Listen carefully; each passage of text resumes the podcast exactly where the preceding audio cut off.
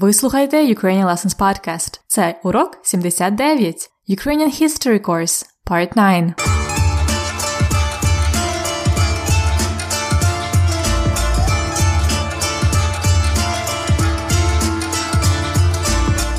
Привіт! Це подкаст Уроки української.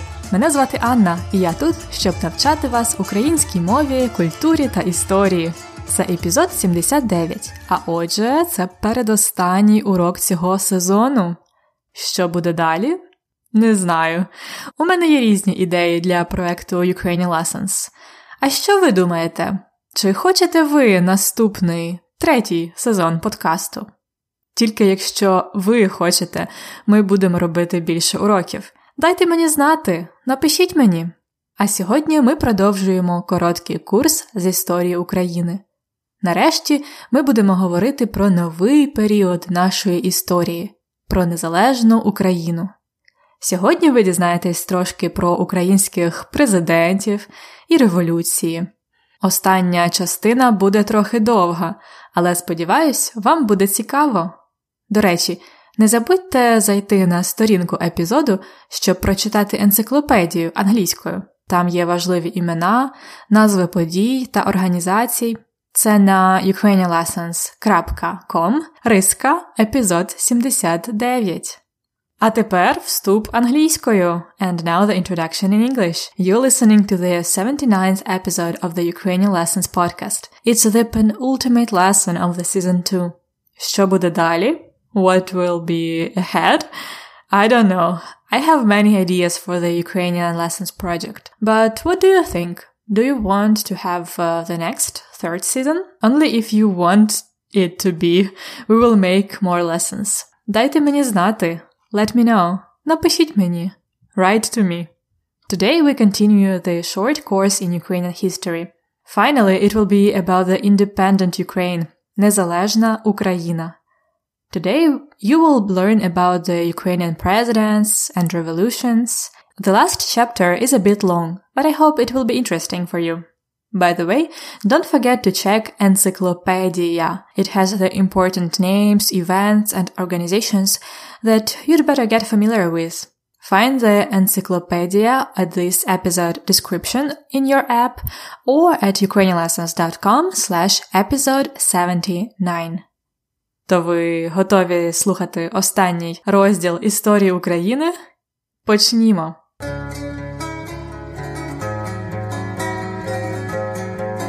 Короткий курс історії України. Частина 9. Незалежність.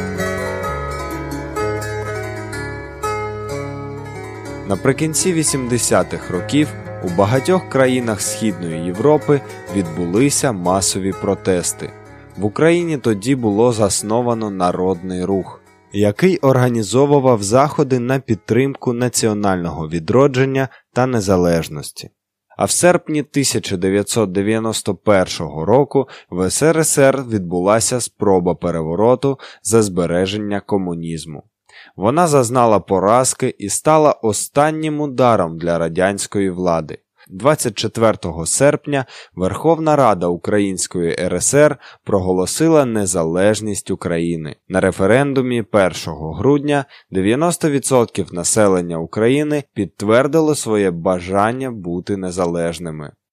Першим президентом України став екс-комуніст Леонід Кравчук. Мабуть, тоді українці ще не були готові повністю відійти від комуністичного минулого. У перші роки незалежності країну охопила економічна криза. На президентських виборах 1994 року перемогу здобув Леонід Кучма. У 1996 році важливою подією стало ухвалення Конституції України, що заклала правові основи демократії. Під час виборів 2004 року основними кандидатами були Віктор Ющенко та Віктор Янукович. Хоча на цих виборах було зафіксовано багато фальсифікацій, переможцем було оголошено Януковича. На знак протесту прихильники Ющенка вийшли на Майдан Незалежності. Ці події увійшли в історію під назвою Помаранчева революція. Українці домоглись нових виборів, і цього разу перемогу здобув Ющенко.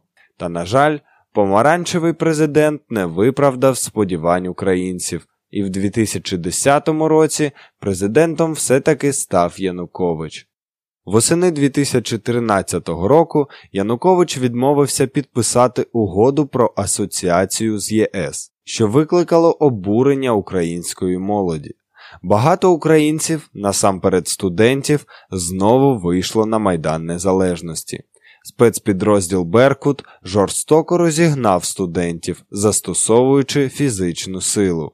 Цього українське суспільство не могло пробачити. Так розпочалася нова революція Революція Гідності. Найбільш криваві події відбулися 18 та 20 лютого 2014 року, коли загинуло майже 100 мирних громадян. Їх називають Небесною Сотнею.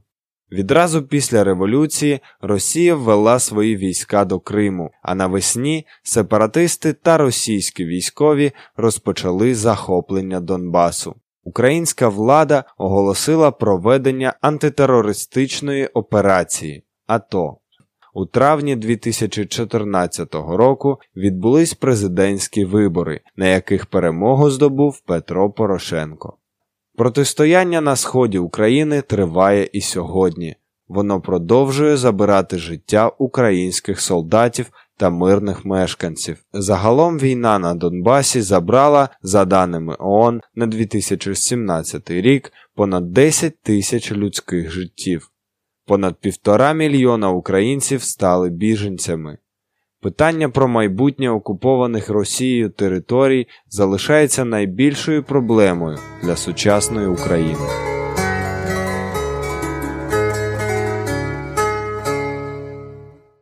І це все, вся історія на сьогодні. Навіть я пам'ятаю багато цих подій. У деяких з них я навіть брала участь. Можливо, ви не все зрозуміли з першого разу, тому зараз ми будемо слухати маленькі частинки ще раз і говорити про них більше. Гаразд, перша частинка. Коли Україна стала незалежною? У якому році і в який день? Слухайте.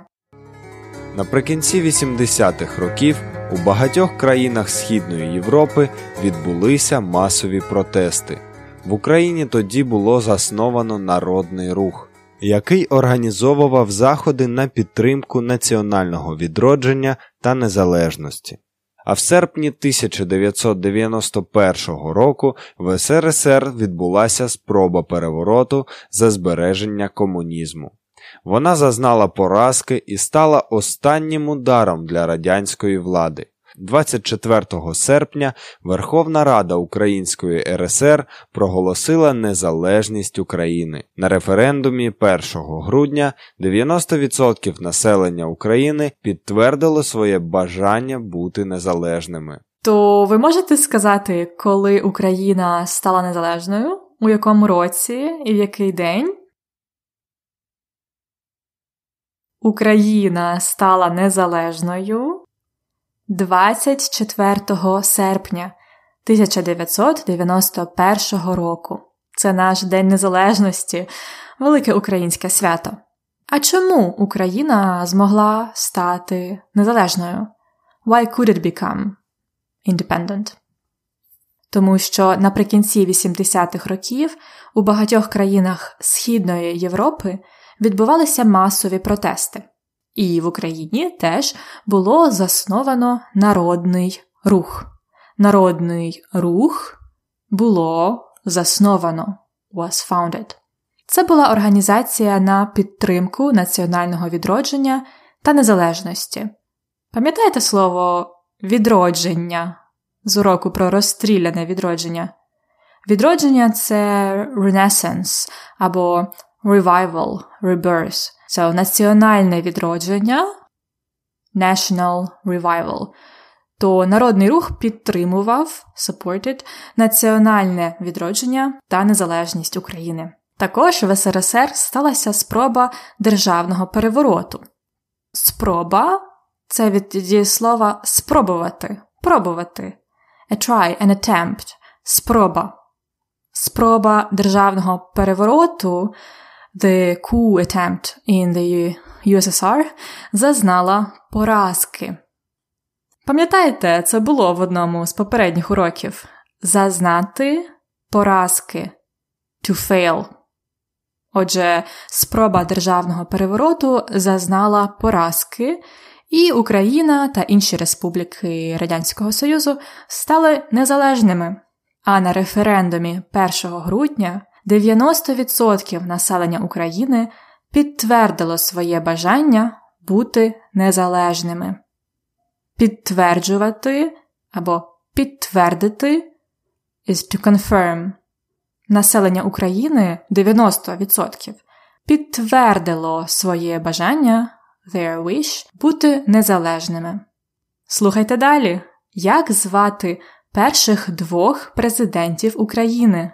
Першим президентом України став екс-комуніст Леонід Кравчук. Мабуть, тоді українці ще не були готові повністю відійти від комуністичного минулого. У перші роки незалежності країну охопила економічна криза. На президентських виборах 1994 року перемогу здобув Леонід Кучма. У 1996 році важливою подією стало ухвалення Конституції України, що заклала правові основи демократії.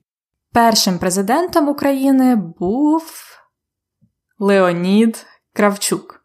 Тоді українці ще не були готові повністю відійти від комуністичного минулого. Українці не були готові повністю completely відійти move away from communist past від комуністичного минулого. А другим президентом став Леонід Кучма. І в 1996 році сталася важлива подія ухвалення Конституції України The Constitution of Ukraine Adoption. А хто були наступні два президенти? Слухайте. Під час виборів 2004 року основними кандидатами були Віктор Ющенко та Віктор Янукович. Хоча на цих виборах було зафіксовано багато фальсифікацій, переможцем було оголошено Януковича. На знак протесту прихильники Ющенка вийшли на Майдан Незалежності. Ці події увійшли в історію під назвою Помаранчева революція. Українці домоглись нових виборів, і цього разу перемогу здобув Ющенко. Та, на жаль, помаранчевий президент не виправдав сподівань українців, і в 2010 році президентом все-таки став Янукович. Третім президентом України був Віктор Ющенко. На виборах 2004 року було багато фальсифікацій. Вибори це elections. Там було багато фальсифікацій.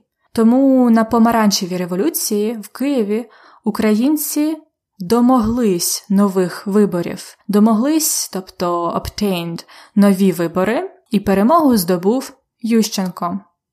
Але Ющенко, як помаранчевий президент, помаранчевий президент, не виправдав сподівань українців не виправдати сподівань означає do not justify expectations. Сподівання expectations. Не виправдати сподівання. Отже, Ющенко, як помаранчевий президент, не виправдав сподівань українців. І наступним четвертим президентом України став Віктор Янукович. Що було далі? Слухайте наступну частинку. Чому розпочалася Революція Гідності? Восени 2013 року Янукович відмовився підписати угоду про асоціацію з ЄС, що викликало обурення української молоді.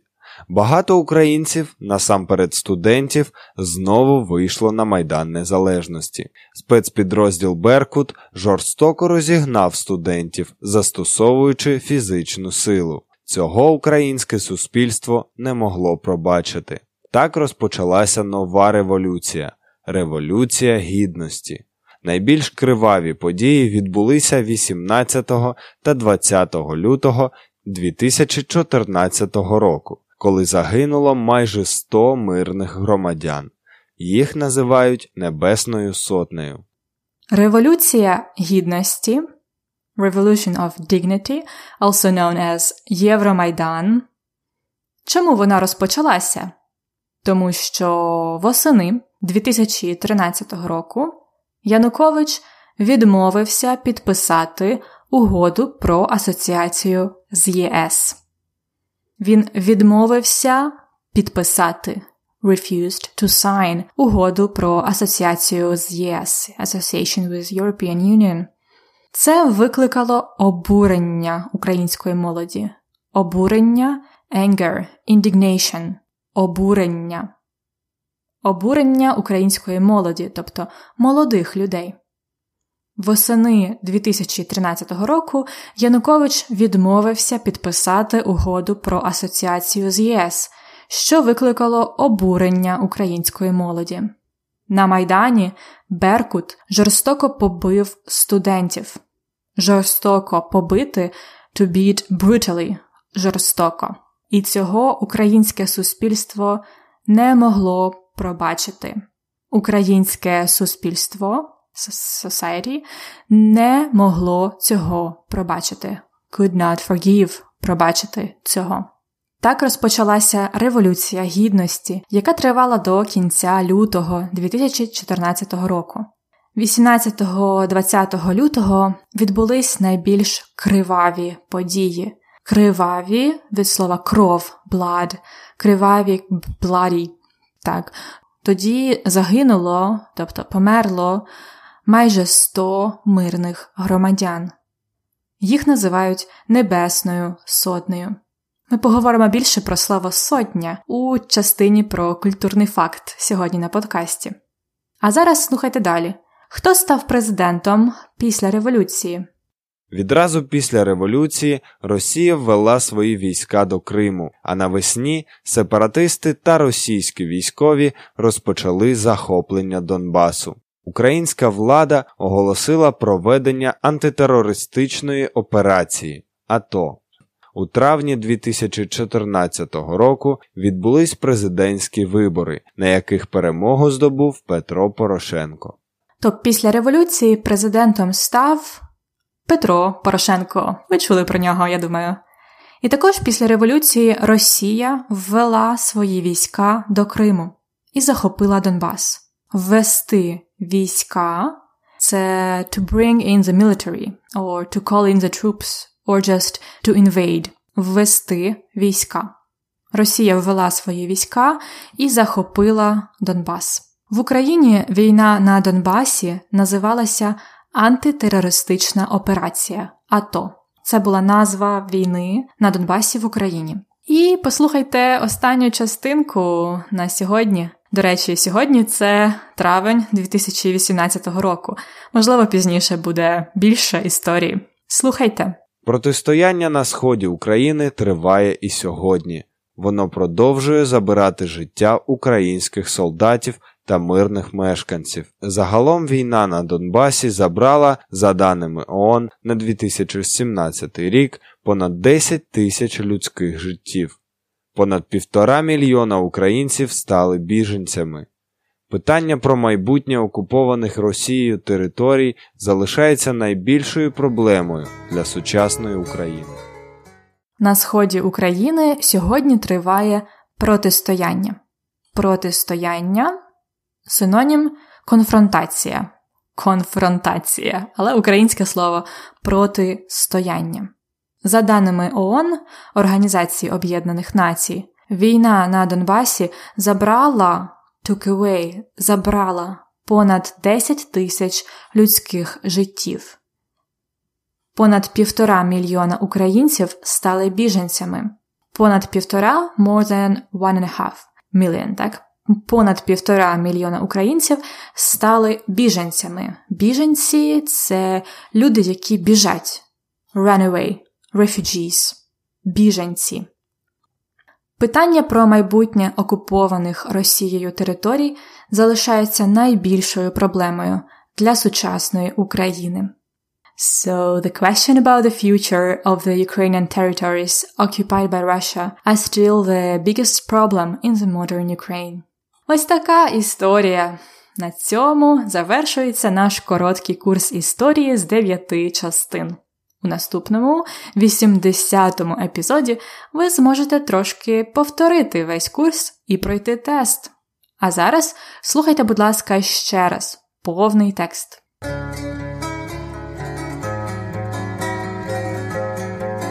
Короткий курс історії України. Частина 9. Незалежність.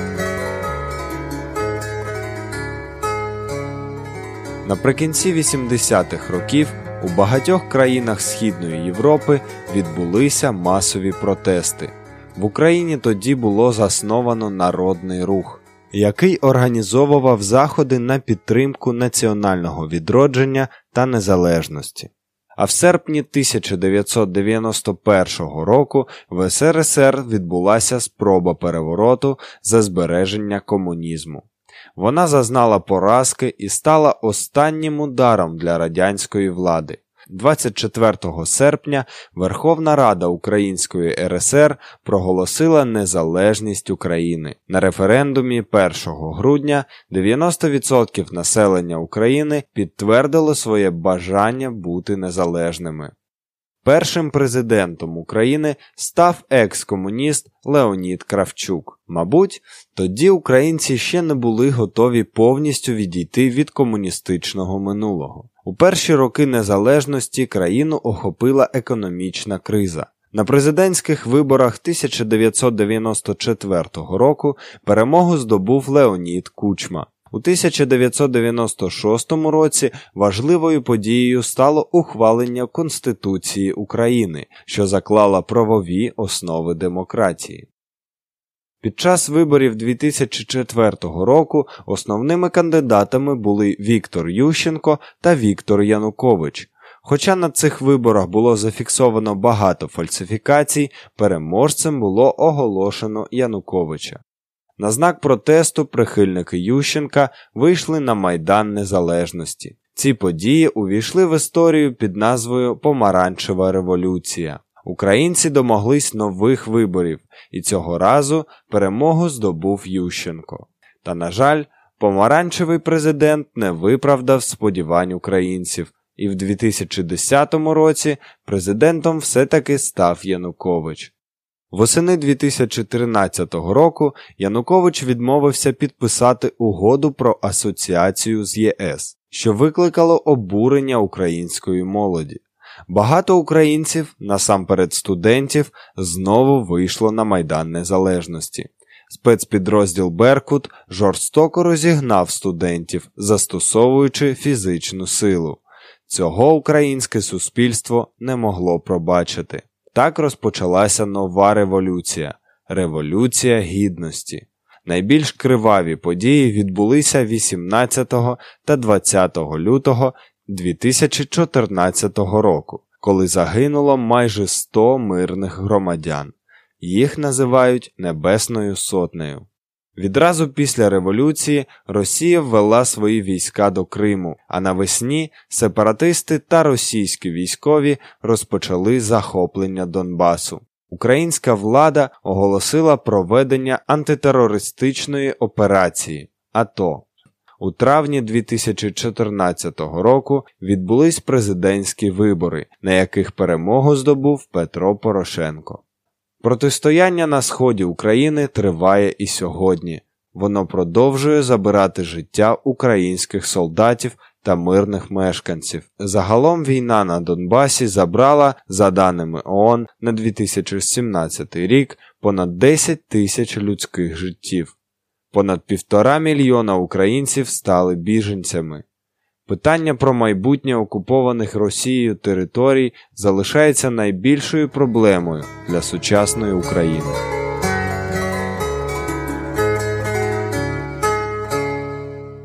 А зараз тест. Я буду казати вам речення, а вам треба вирішити, це правда чи неправда? True or false? Запитання 1. Україна стала незалежною 1 грудня 1991 року. Це правда чи неправда? Ні, це неправда. Україна стала незалежною 24 серпня 1991 року, а 1 грудня був референдум. Запитання 2. Третім президентом України був Віктор Ющенко. Так, це правда. Віктор Ющенко був третім президентом України. І запитання 3. АТО це антитерористична операція української армії на Кримському півострові. Це правда чи неправда? Ні, це неправда. АТО це антитерористична операція української армії не на Кримському півострові, а на Донбасі, на сході України. As always, more practice is waiting for you in the lesson notes of the today's episode.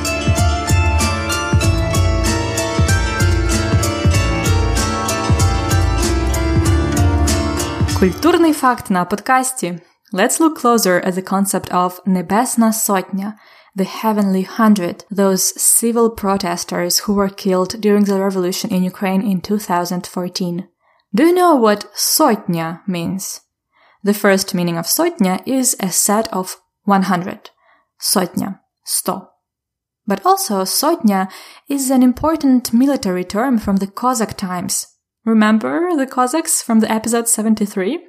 It was a unit of soldiers, approximately equivalent to a company. So it's uh, quite a big group of people fighting together. During Maidan revolution, we had various sotnya. People were forming those to fight together, but not always literally to fight. The aim of those groups was to help each other in the most efficient way, to get together by the interests and strengths to keep the revolution going. So there were some numbered sotnyas who were protecting the certain areas, like Сьома сотня, третя сотня. There were sotnyas from different places in Ukraine where people came from, like Lvivska sotnya. But there were also medична sotnya, people who could be helpful as medics, or юридична sotnya, people who could provide legal services. All in all, Maidan was the most amazing example of cooperation and selflessness.